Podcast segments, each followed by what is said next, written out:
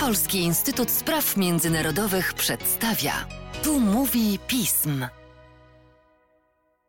W podcaście Polskiego Instytutu Spraw Międzynarodowych witam Państwa Łukasz Jasina, a moimi gośćmi są dzisiaj nasi specjaliści, specjalistka i specjalista od wschodu Agnieszka Legucka. Dzień dobry Agnieszko.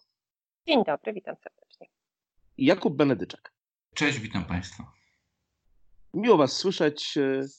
Porozmawiamy sobie, jak żeby inaczej, właściwie o Putinie, bo brakuje nam bardzo tych, można bądź co bądź, przepraszam za lekką ironię, mówić godzinami, a niektórzy to nawet mówią o nim latami i spędzają dzięki niemu lata w zupełnie innych miejscach.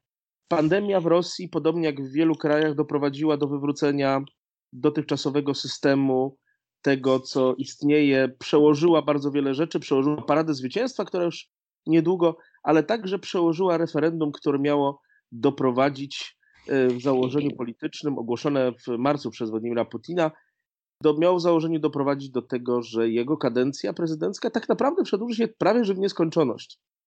Agnieszko, jak wygląda sytuacja z tym przełożonym z kwietnia referendum w Rosji?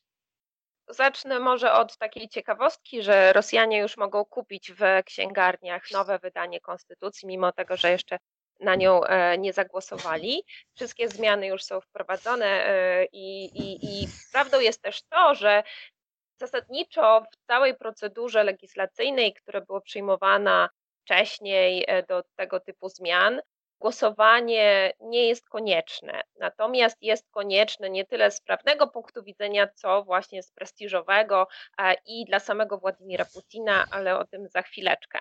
Stąd też, też ważna uwaga, że nie jest to referendum, dlatego że re, referendum już istnieje w systemie prawnym rosyjskim, łącznie z bardzo takim surowym kodeksem karnym z 1996 roku, który mówi o tym, w jaki sposób no, zabezpieczyć ten demokratyczny proces wyborczy oraz referendalny. Natomiast o głosowaniu narodowym nie było mowy i stworzono coś nowego i trudno też oceniać, w jaki sposób będą na przykład karane różne osoby za wykroczenia wyborcze bądź właśnie związane z tym e, głosowaniem.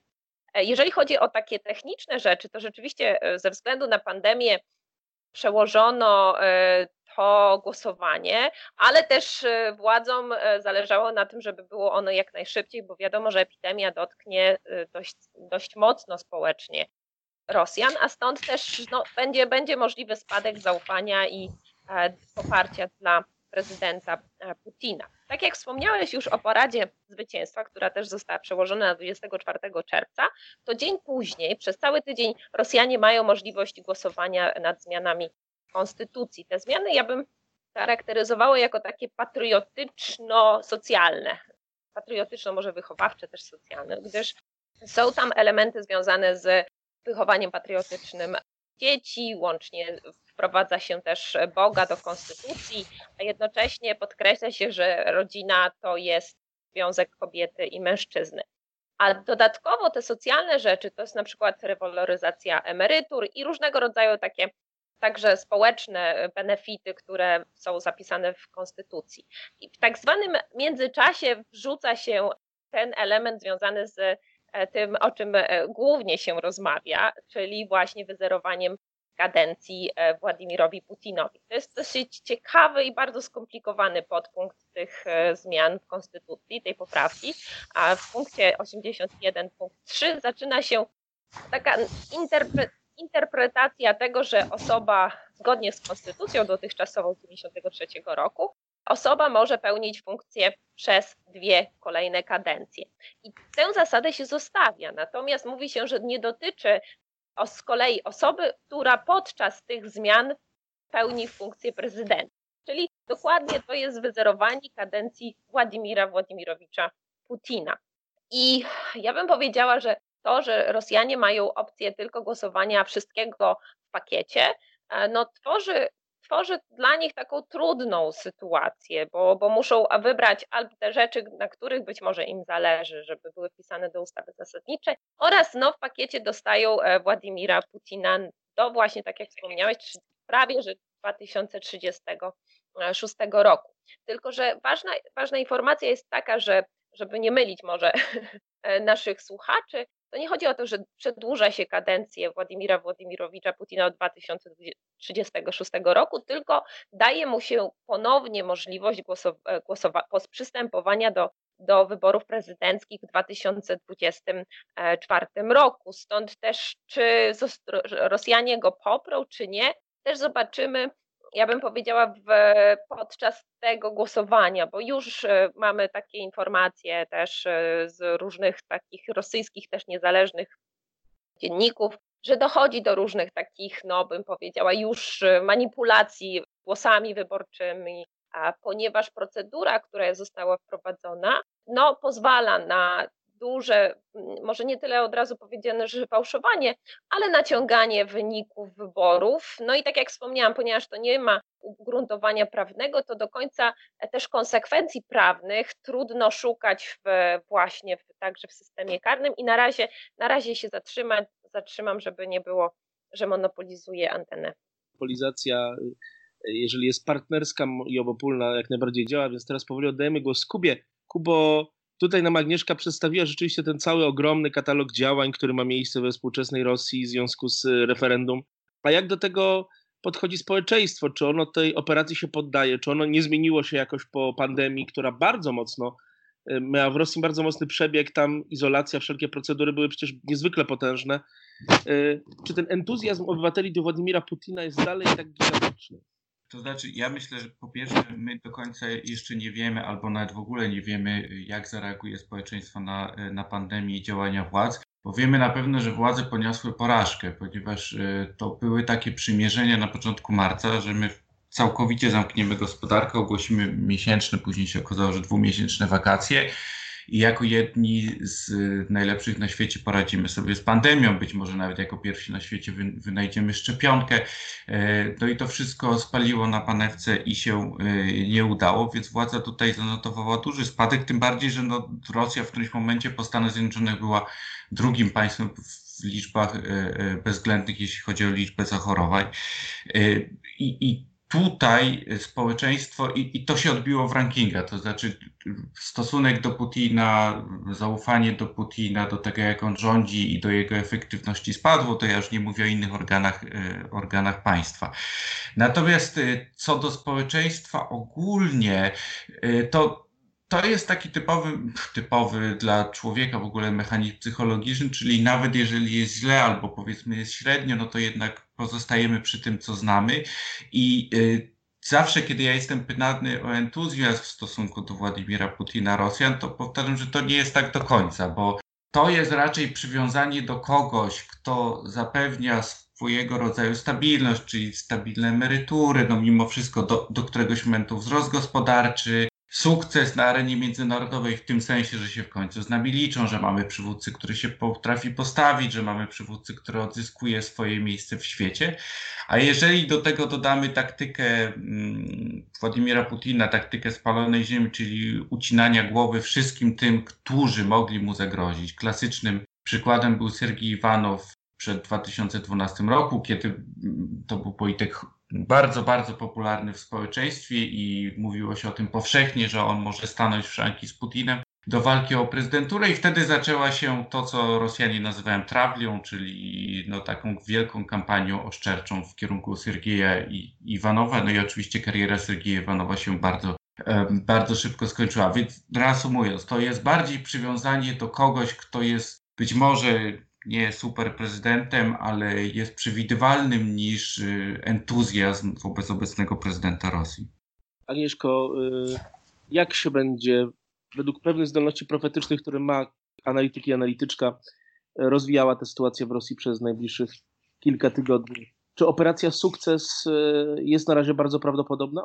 jest bardzo prawdopodobna operacja sukces.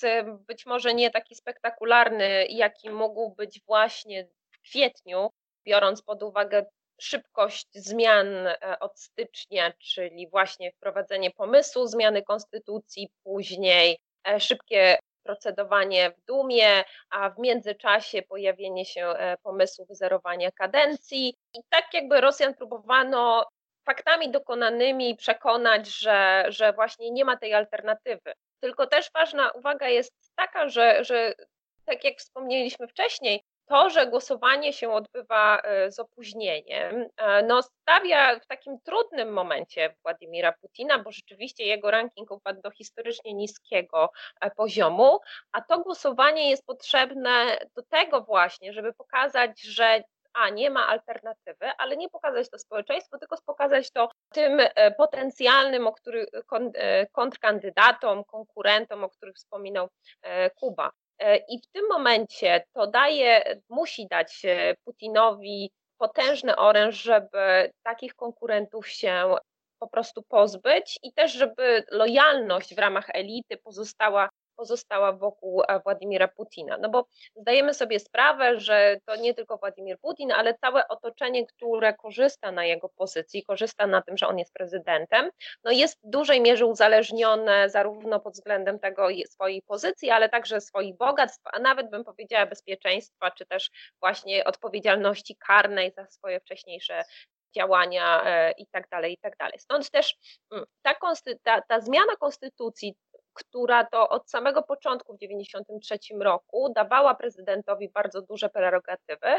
Teraz Władimir Putin deklaruje przynajmniej, e, że w ramach tego pakietu to Rosjanie się, Rosja się będzie bardziej demokratyczna, to znaczy przekonuje swoich obywateli, ale także opinię e, zagraniczną o tym, że te poprawki do konstytucji na przykład zwiększają rolę parlamentu.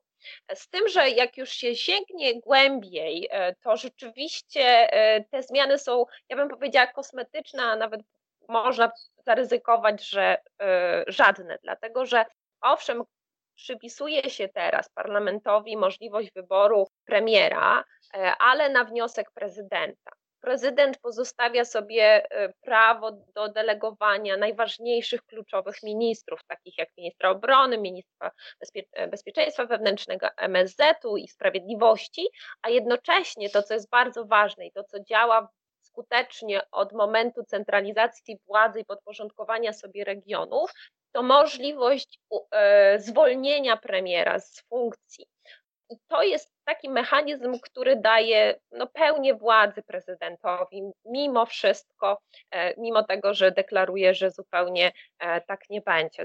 Biorąc pod uwagę e, to, że to głosowanie z jednej strony ma być dla Władimira Putina potwierdzeniem jego pozycji w systemie, ugruntowaniem te, te, te, tego reżimu takiego kleptokratycznego, jak to, się, jak to się nazywa, a z drugiej strony nadal przedłuża się jego władzę związaną z, z, z no nie wiem, relacjami z pozostałymi organami i umocnieniem tego, czego obawiano się albo przynajmniej przetestowano i nie działało w latach poprzednich. Czyli nie jest, nie jest wszystko takie cudownie różowe, jak niektórzy publicyści próbują przedstawić. Kubo, jak myślisz, czy Władimir Putin jeszcze może nas w ciągu najbliższych kilku miesięcy zaskoczyć? Tak, myślę, że może nas zaskoczyć, dlatego że y, ja pamiętam tę atmosferę, jaka panowała w styczniu, analizy, które my pisaliśmy, byliśmy ze sobą w kontakcie, kiedy został zdymisjonowany Miedwiediew, Miszustin, Putin zaproponował określone zmiany w konstytucji, no, które wyraźnie wskazywały i my tak wszyscy myśleliśmy, no, że okej, okay, zrozumiał, porządzi do 2024 roku i porzuci fotel prezydenta od tego młodszemu kandydatowi i nie minęły dwa miesiące, kiedy wywrócił to wszystko i to, co myśleliśmy do góry nogami. I zresztą samo działanie y, Władimira Putina mm, jest typowe dla człowieka, który ma taki background, jaki ma, czyli służb specjalnych, to znaczy ciągłego zaskakiwania. Jeśli popatrzymy choćby właśnie na Miszustina, ale popatrzymy y, na Miedwiediewa, czasami zmiany w rządzie, czasami zmiany doradców, rozpoczynanie różnych działań, tak jak operacja w Gruzji, anektowanie Krymu, to to wszystko zawsze działo się wbrew oczekiwaniom i wbrew zapowiedziom. To znaczy te, te wielkie wydarzenia i te wielkie ruchy polityczne, które wykonał Władimir Putin, zawsze działy się wbrew e, przewidywaniom specjalistów. No i jeszcze mo można dodać, że zaskoczy na pewno Polaków, ponieważ już ogłoszono, że napisał słynny artykuł dotyczący sprawstwa Polski w wybuchu II wojny światowej, ale to zapewne inny temat będzie. Będzie, będzie, kochani. To jest temat bardzo łączący Was, wschodnioznawców, i nas, specjalistów od polityki historycznej. A największą zagadką i enigmą jest tutaj, kto był ghostwriterem Władimira Putina. Chociaż może podobnie jak kiedyś Józef Stalin osiągnął już ten wielki poziom naukowy, który pozwala mu pisać te teksty samemu. Ale to nie, jeśli mogę przerwać, bo ja jeszcze jako Tak, dziennikarz kiedyś, e, przy, e, kiedyś przeprowadzałem wywiad z ghostwriter, ze speechwriterem Miedwiediewa, ale który również pracował z Putinem. Mm, Putin nie pisze sobie sam przemówień, ale po, podobno bardzo, to znaczy człowiek, z którym rozmawiałem, powiedział, że bardzo dokładnie je sprawdza i bardzo zmienia i je często ćwiczy. Zdarzało mi się różne rzeczy pisać i powiem wam, że nie jest dobrze, kiedy redaktor sprawdza cię za bardzo. Generał Jaruzelski słynął, że miał wersję 16a, 16b, a czasem 17c. Kochani, y, wspaniale się z wami rozmawiało, jak zwykle zresztą. y, A Państwa, którzy słuchają podcastu z Kubą Beredyczakiem i z Agą Legucką, zapraszam też oczywiście do czytania ich tekstów na stronie pism, mm, biuletynów, komentarzy innych tekstów, a także do innych tekstów tychże dwojga Państwa, które publikują w innych mediach. Będziemy mieli też niedługo tekst Agnieszki Leguckiej w Polskim Przeglądzie Dyplomatycznym. Do tego również zachęcam. Będzie tam także recenzja Kuby, więc jak widzicie Państwo, nasi, nasi pracownicy dużo robią, prawie tak samo dużo jak Władimir Putin, choć moim zdaniem świat ma z tego więcej korzyści. Co my robimy? Piękne podsumowanie. Tak, dziękuję bardzo. Do usłyszenia. Dziękujemy bardzo.